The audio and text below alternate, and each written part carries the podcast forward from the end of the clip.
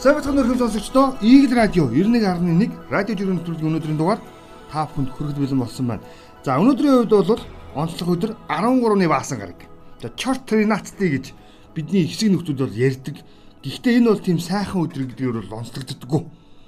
Ер нь бол хар бараан муу юм хол байгаасай гэж онцолдог нэг ийм өдөр юм байна гэж. За тэг би өнөөдөр энтэй уялдуулаад ч гэж хэлж болох үз. За амар санаагийн жиргэг онцлох гэдэг амар санааж иргсэн. Ажилтны тэмцэх газрын дарга Даштавагийн зургийг нийтлээд тэгээд нөхөр юу гэсэн бэ хэрэг жаа. Хизээ байхдаа та нар нүүрс хөгжлийн банк 7.3 тэрбумын хулгайн талаар сонсцооч байсан юм бэ. Энэ цаг үе жинхэнэ хулгайчдын өмнө төрхийг илрүүлж эхлэж байгаа шүү. Энэ нэг гүлдгэр нөхөрт баярлалаа гэж монголчууд хэлэх өдөр ирэх байхдаа гэдэгт эргэлздэггүй гэсэн. Бас тийм шүү. Санаж ин би. За Авилгатай тэмцэх газрын хамгийн анхны дарга бол за зүү бусаар гэж бол ар гэрийнх нь хаарддаг. Амнасаа алдчихсан юм хэрэг явдал өрнөж ирсэн. За түүнээс хойш авилгатай тэмцэх газрын даргаар томилогдож байсан нэр бүхий хүмүүс за яг л үндсэн одоо юу гэдэг авилгатай тэмцэх газрын даргын сонгуульт одоо томилгооны ажил гэх юм да хугацаа дүүргээ хугацаагаар нь бүрэгдэхээр дуусгаж байгаагүй юм байлээ. За сангаж гэдэг үлээ те хин гэдэг үлээ За эсвэр хэлсний дарга байсан юм а. Тэр нөхөр чинь жишээлбэл яг энэ том том хэрэгүүдийг илрүүлснийхэн төлөө өөрөө хэрэгт санг сүрэмлүү. А биш биш. Ис үсгтэй нэг хүн байгаа. Илрүүлснийхэн төлөө өөрөө за нөгөө юу яагаад хэрэгт буруутгагдаад ял авчихсан. Бүр сонирхолтой. Хамгийн анхны дарга бол цаг бусаар амнаас алдаж ар гэрх нь хаарддаг. За хоёр дахь дарга нь бол хэрэгүүдийг ил болгох буюу мөрдийн шалгасныхаа төлөө за ингээд өөрөө хугацаанаас өмнө за ажил үүрэгт ажиллаа чөлөөлөгдөх хэмжээний шийтгэл аваад за ингээд үүрэгт ажилласаа буучсан. Миний санджаар дараагийн дарга бол гамбол гэж хүн байсан. Энэ гамбол гэдэг хүн жишээлбэл за бас яг энэ том том хэрэгүүдийг илрүүлсэн нээсэн тухай мэдээд гардаггүйсэн. Сайн дураараа ажиллаа өгч нэгээд өөр газар томилогдоо авчихсан. Гэвч дандаа ээдрэгтэй асуудлууд өрнөдөг. Тэгээ ер нь их мөнгөнд үнэтэй ч гэдэм үү эсвэл их бүхий албан тушаалыг удаан хашиж байсан хүмүүстэй холбоотой хэрэгүүд төдийлөн нээлттэй байдаггүйсэн. Тэгвэл энэ удаад үнэхээр бас гарч ирж ийн ил болж байна. Үнэхээр магадгүй амар санааг хэлж байгаа чинь нэг өдөр баярлалаа гэж хэлэх өдөр ирэх байлгүй дээ гэж. Тэгээ баярлалаа гэхээсээ илүүтэй шудраг ажиллаж эхлүүлсэн явдал гэж хэлэх гээд байна. Уг нь бол хэрийг хийдэг биш. Биш ээ. Хийдгийг хэрийг илрүүлдэггүй биш. Илрүүлдэг юм шиг байна. Гагцууд хэрийг одоо ил болох нь цаг хугацааны асуудал гээд нөхдүүд ингээд хав дараад байдаг гэсэн. Тэгвэл энэ удаагийн одоо удирдлагууд бол энэ асуудлыг үндсэндээ бол одоо нэг тал нь гаргаж ийн ер нь дараадах юм байхгүй ер нь илчлэхгүй бол болохгүй. Тэгэхгүй бол энэ улс их орон чинь тэ сүрлээ өмрлөө гэдэг ийм санааг бол илэрхийлж гэж. Дараагийн жиргээ Моги Моги жиргсэн. За таван дахь төлж компани захирлаар ажиллаж байгаад хэсэг хугацаанд үүрэгт ажилласаа чөлөөлөгдөд удалгүй засгийн газрын За танхимд орж ажиллах урилгыг авсан. За байгаль орчин аялал жуулчлалын дид сайд Ганбаатар гэдэг нөхөр өчигдөр нэг сонирхолтой зүйлийг онцолцсон. Харж байгаараа та нар эх 7 хоногт тий одоо утаа мэдэтгүүц буурнаа гэж хэлсэн. Тэгээ мөөгийн хэлж байгаа. Эх 7 хоногт яг юу болохоор утаа мэдэтгүүц буурах юм болоо гэд. Би бас гайхаад байгаа. За зэн Ганбаатар гэдэг хүн эсвэл одоо юу гэдгийг яг өөртөө ашигтай хэлбэрээр утаа баг ялгаруулдаг ийм технологиг тавд арцсан байт юм болов. Тэ? Тэгэл ингээл жирийн үед нүг цаг нь болохоор гарнаа. Цаг нь болохоор хэлнэ гэдэг монголчуудын нэг айхтар айхтар өгнүүд байдаг шүү дээ. Яг тэр темперийн асуудал хандаад идэм бэл. Маш энгийнээр хэлэх юм бол одоо байгаль орчин аялал жуулчлалын дид цайд болсон утааны асуудал өөрийнх нь толгой дээр орж ирнэ. Тэр үед нөгөө нэг нууц зэвсэг те хавд арцсан байсан технологи гаргаж ирэх байгаа юм болоо гэж хардаад байгаа. Би бол тааж ин. Би бол хувьдаа тааж ин Юу гэж тааж байгаа вэ гэхээр яг нэг орчны буюу цагаагаар энэ одоо өгч байгаа мэдээлэлээс аваад үзэх юм бол 1-р сарын 20 хүртэл энэ хүүтний ирж чангар нь хадгалагдана. За ерөөхдөө бүх нутгаар сэрүүсэн, цас орно. Цас мүс нэмэгдэнэ. Хөдөө гадаад орчихж байгаа бол зам даваа гүвэ болгоомжтой байгаараа гэдээ анхаарал байгаа дээ. Тэгэхэр чин хүүтний ирж чангарахаар галлага нэмэгдэх юм шүү. Аа гүн болов? Би бол галлага нэмэгдэнэ гэж харж байгаа. Тэгэхээр ч утаа нэмэгдэнэ. Даахгүйд бол галт үлжилээ бол утаа гарчлаа гэсэн үг шүү дээ. Тэгээ ямар өнцгөр гэж тайлбарлаад байгааг би бас сайн ухаж ойлгоогүй. Гэхдээ шийдэгдэх ухаа гэж. Хэрэв үнэхээр Ганбаатар дарга, Ганбаатар дид сайд үнэхээр нууц технологитой бол хадгалаад байлгүй зөвхөн өөрт ашигтай үедээ гаргаад байлгүйгээр байнга тэрийг ашигладаг байгаа ч гэж гуйх гэсэн. Дараагийн жиргээ саруулхны жиргээ. Чортринацтэй буюу 13-ны баасан гарагч зориулсан мэдээллийг өгье. Улаанбаатар хотод 995 баар ажилладаг юм байна. Улаанбаатар хотод 310 дэм буудал ажилладаг. Улаанбаатар хотод 69 амралтын газар ногоон бүсүүдэд байршдаг. Улаанбаатарт 64 жуулчны баз ногоон бүсүүдийг дамжуулан үйл ажиллагаа явуулдаг. Улаанбаатар хотод 87 саун үйл ажиллагаа явуулдаг.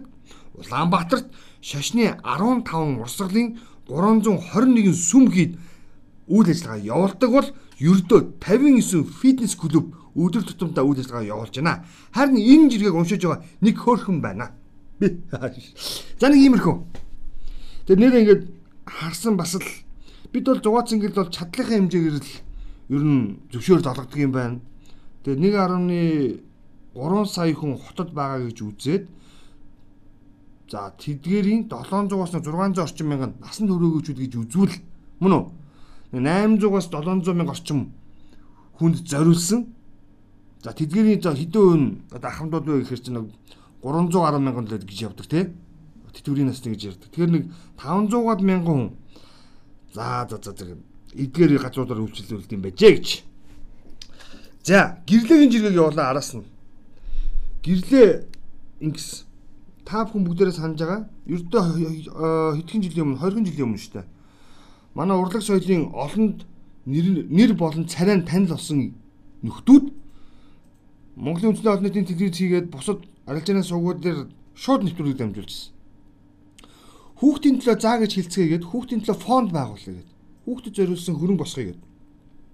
Яг тэр төсвийн хөрөнгө мөнгийг ерөөсөө хүүхдэд зарцуулж чадахгүй байна, хүртээхгүй. Тийм учраас Монголын түмэн, Монголын ард түмэн бас энэ ажлыг эхлүүлэх ёстой гэдэг. Яг л гэвэл өмнөх нийгмийн үед бол бүхнийг хүүхдийн төлөө байлгаж чадаагүй. Гэхдээ тухайн үед төр нийгмийн нэр зүтгэлтийн юмжаагийн цэдэн бал агсны гэргий Филатаво гэдэг эмэгтэйгийн санаачлахаар хүүхдийн төлөө фонд гэдэг зүйлийг анх байгуулжсэн. Хүүхдийн цэцэрлэг, хүүхдийн яасл, хүүхдийн цуслан гэдэг ийм байгууламжуудыг за үндсэндээ хүүхэд хийх боломжтой буюу хүүхэд хийх нөхцөлийг бүрдүүлсэн хормын ордыг байгуулжсэн. Маш энгийнээр тайлбарлая. За түүнээс хойш бол хүүхдэд зориулагдсан үйл ажиллагаанд тодорхой тодорхой байж ирээгүй. Түрүүн хэлжсэнчлэн нэр бүхий нэршилтэй газруудад л хүүхдийн үйл ажиллагаа хүүхдэд чиглэсэн үйл ажиллагаа явагдагаас бусдын хэлбэрээр өргөжиж чадаагүй. Тэгвэл энэ үйл ажиллагааг өргөжүүлээд олонд нэр болон царай зүсэн танд болсон этгээдүүд нөхдүүд за хүүхдийн фондыг босгох их ажлыг өрнүүлсэн. Тэгээ гэрлийн асуудлыг хөндөсөн. Хүүхдийн фонд гэж ард иргэдийн хандвар боссон 2 тэрбум сураг алдраад 2 жил боллоо бас эдцэн хулгайлцал юм багтаа гэж хардаж байна шүү. Тайлан байхгүй, хийсэн байхгүй таагч. Хүүхдүүд эмдэх чалан дээр зулдаг хിവэрэл нь штеп. Харин тийм. Яах гэдэг юм дээ. Үнээр хүүхдийн мөнгө бол хүүхдлэн зарцуулаад заавал тэрүүгээр парк, зоо парк хийх гээд хадгалаад байгаа юм биш үсттэй. Тэ? Зугаацуулан зингүүлэх, таниулан мэдүүлэх юм өргөө барих гад зоод байгаа юм биш үсттэй л гэж асуух гэдэг. Тэрний оронд эрүүл мэндийн салбартаа хүүхдийн гих тодтолтой хөрөнгө оруулалтыг бас хийчихвэл за жилийн дөрвөн үйлдвэрлэл нь нэг нь алга болчихгүй нөхцөл хүүхдийн өвчлөл гэдэг зүйл бидний шүдний өвчин хэврээл байна. Тэг тэрнтэй урт настай юм хөрөнгө оруулалтын суурийг нь бэлдээд өгчөл бас яд юм болоо гэж.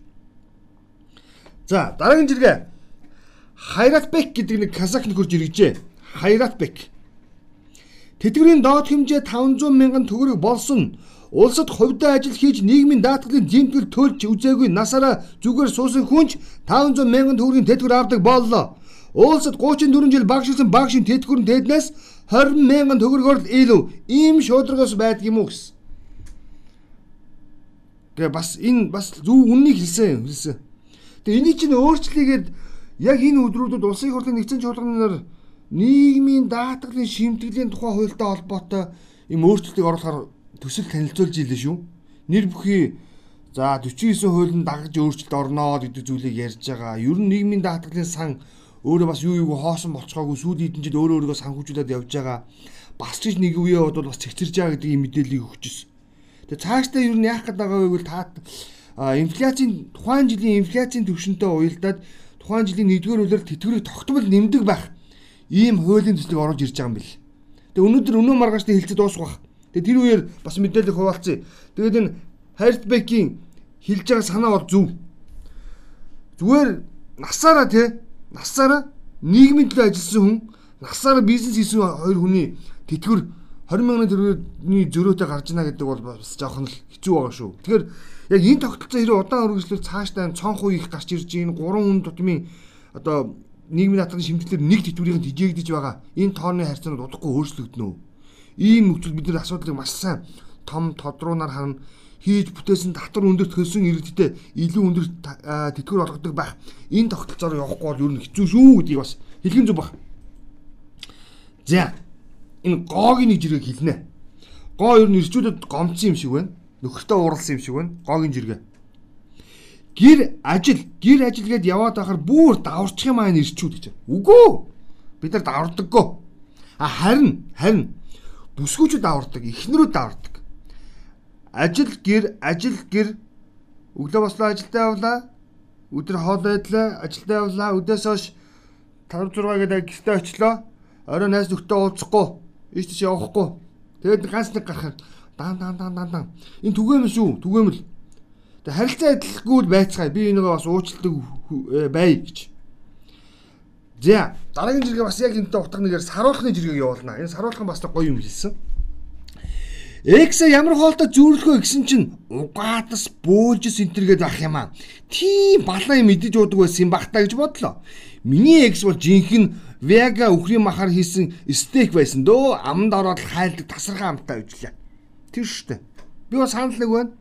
Тэгээ манайхан чинь э нэг өмнө нь үерхэж байсан, дурлалцаж байсан, эсвэл нэг тодорхой хэмжээнд те одоо нөхөрлөж байсан хүмүүсээ ингээд эргээд муудалцсан байдлаасаа ч гэдэг юм уу салсныхан дараа дандаа нэг тийм өнгөтэй өттэйгээр дурсдаггүй.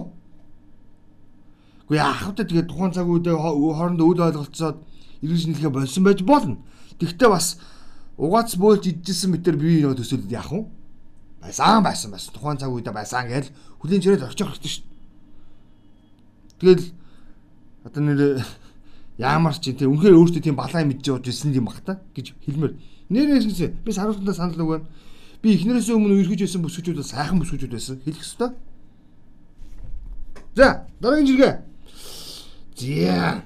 Цэвлээ цэвлэж иргсэн. Цэвлээ ингэнэ. Энэ ч гоё санаа шүү. Солонгос бүх чиглэлээр дөрөв хуваагаад автобус нь дөрөв өрөнгөтэй байдаг. Улаан цэнхэр шар ногоон. Миний явах чиглэлд ногоон автобус явдаг бол надад нөгөө гурван ногт хамаагүй. Хүнд илүү хэлбэр болгож байна гэж хүнд илүү хэлбэр болгож өгч байна гэсэн үг юм а. Бас л хотын үзэмж гэж байгаа. Үнэхээр гоё шийдэл.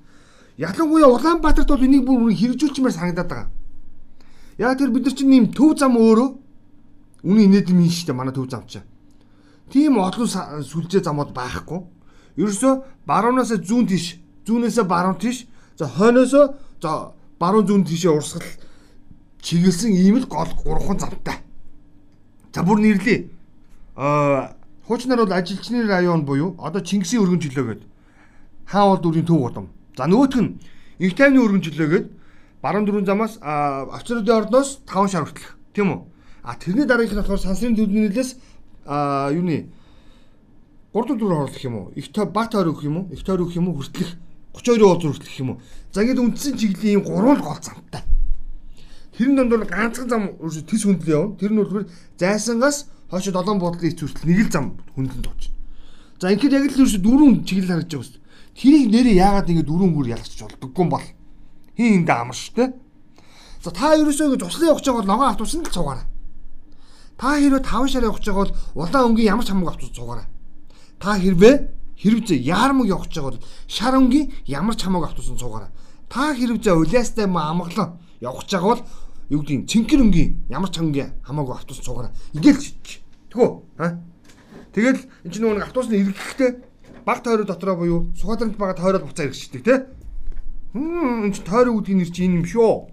Биш юм шүү гэд. Энэ цэвлэгийн жиргээ гой санаа Тэгээ манай энэ хотын үйлдвэрлэлүүд харах байх гэж найдаж. За таабрын жиргээ. Энэ таабр өстө гоё юм санаа хэлсэн. Ингэж байгаа. Манай өвгдөөц яаж газар усныхын нэрийг оноож өгөхдөө ийм гарамгай байсан бэ? Оюу толгойд оюутай, эрдэнтэд эрдэнтэй, төмөртөө төмөр бий гэдгийг яаж мэдэж нэрийг нөхсөн байна? гайхамшигтэй энэ бол эн чинь тухайн үед хүн төрлөختөн тэр шинжлэх ухаан газар малтаа ухаад мэддэг байсан хүн байхгүй шүү дээ. Өрөм өрөм гэдэг юм гараагүй байсан. Гэтэл бид тэр нэг 1200-аад оноос хойш газар усныхаа нэрийг бүр ингэж нэг тийм оноод өгөөд ирсэн. Тэгээ би бас боддгийм газар усны нэрийг ерөөхдөө бас янз бүрийн хүн бас хэлж байгаамаар юм байл. Одоо би зүгээр жишээлбэл боддлоо л доо. Зүгээр сая зүгээр хошин маягаар боддлоо шараад орчимд Эрдэнэ толгой гэдэг жижигхэн нэг юм бас айлууд одоо суурьчны бүс болцсон газар байгаа л та. Эрдэнэ толгой гэдгийг аягүй сайн сурцлах юм бол очиод уцх үедээ газрыг худалдаж аваад бас эвгүй штэ. Яаж байгаа чинь энэ чинь Эрдэнэ толгой гэдэг Эрдэнэтэй байгаа гэдээ бас магадгүй магадгүй. За энэ нэг шинжлэх ухааны технологийн бас гайхамшиг мэдээллийг бас та бүхэндээ хуваалцъя. Эрдэнэ бэлгүүн гэдэг нь хурж иргэжээ. Залгидаг камер 2 секунд тутам зураг аавна. Хоол боловсруулах эрхтнүүдийг бүгдэн дотроос нь харуулна. Тэг peel cam гэсэн юм жижиг нэг юм хүний нэг өндөг шиг юм багш байгаа тий. Зургийг манай найруулагч одоо үзүүлж. Тэг үнэхээр шинжлэх ухаан үтсэн юм байна. Хоолоо амрууч нь 9 бүсэн юм шургуулгаад байха болцсон юм байна. Одоо манайхан ийм технологиудыг мэдсэн юм чинь бүгдөө өгдөр тутамдаа хэрэгэлдэг болъё. Зовироосоо ангижрээ. Тэг энэ ташаа зүгээр нэг зүйлийг онцлох шүү дээ Тэр нэг эрүүл мэндийн яамнаас эрт илрүүлэг гэдэг нэг аяныг ихлүүлсэн те. Энэ нь эрт орой хэзээ нэгэн цагт ямар нэгэн байдлаар та өвдөн. Тэгтээ тэгж өвдөхгүй бол заавал үзүүлэх ёстой шүү гэдгийг бас зөвлөх ёстой хоо гэж. За төгсгөлд нэг анхааруулга ганцхан жиргээ авчиж тхөө. Найруулагчаа. Папатая гэдэг папатая гэдэг хаягнаас жиргсэн. Энэ манай үеийнхний донд дээрлэхэлт ялгуурлах тий нэг ийм үзэгдэл түгээмэл байгаагийн нэг илэрлэл юм шүү. Папатаяд юу гэсэн бэ гэхээр охиныг минь найзууд нь нүүрэндээ мингтэйгээ шоолоод тэгэд охин маань эцсэндээ нойлд орж байгаа цусгийн шүүртэл маажад хуулчихсан. Уйлчихсан байх юм бэ ямар хэцүү юм бэ гэсэн. Би бүр энийг уншаад бүр өстө пэл хийж авчлаа. Тэгээ одоо бид нар яг ямар үеийн хүмүүсийг хүмүүжүүлээд байна? Бидний хүмүүжүүлж байгаа хүүхдүүд ялангуяа энэ 2000 2006 оноос хойш хүмүүсийн төлөвшил нэг л харгас болоод тах шиг байна. Ер нь яг нь нийтлэг хандлагатаар мэдээж хэрэг сайн зүйл байгаа тий тусч инэрэнгүү хүнийг ойлгодог за нөгөө нэг феминистүүд бол дүүрэн байгаа өө феминистүүд бол маш ихээр үржиж байгаа за хамгийн аимшигтай зүгээр яг энэ мэд зүгээр яг нэг ялгуурлан гадуурхахаар амар тийм хатуу ялгуурлан гадуурхдаг бүр юм харгас үлдэлтэй Өсвөр насны хүүхдүүд ялангуяа ерөнхий боловсролын сургуулийн сурагчид хоорондоо зодолж гинэ гэдэг бичлэг мэрсэр цахим сүлжээнд тавигддаг те. Тэр бичлэгийг харахаар насан туршид хүртэл бие биенээ тэгэд зэрлэгээр зодддгүй шүү дээ. Гэтэл арай л зэрлэг ханддаг. За энэ дотор ялангуяа өсвөр насны охтууд байждаг. Бүр тийм балмад шинжтэй. Тэгээ яамар ч юмтэй гэдэг шиг. Дэрэгдэх эрдэнэ хайрлаа гэдэг шиг хажууд байгаа хүүхдийнхээ хүмүүжил анхаарал хандуулаарай Өнөөдрийн дугаар энэ хүрээд өндөрлөлийн амралтын өдөр эрс хүүтэн байна. Гэртээ дулаахан ханаа томноос холхон байж өнгөрүүлээрэ шинэ таав шинэ мэдээлэл дэрэг болж баярлалаа.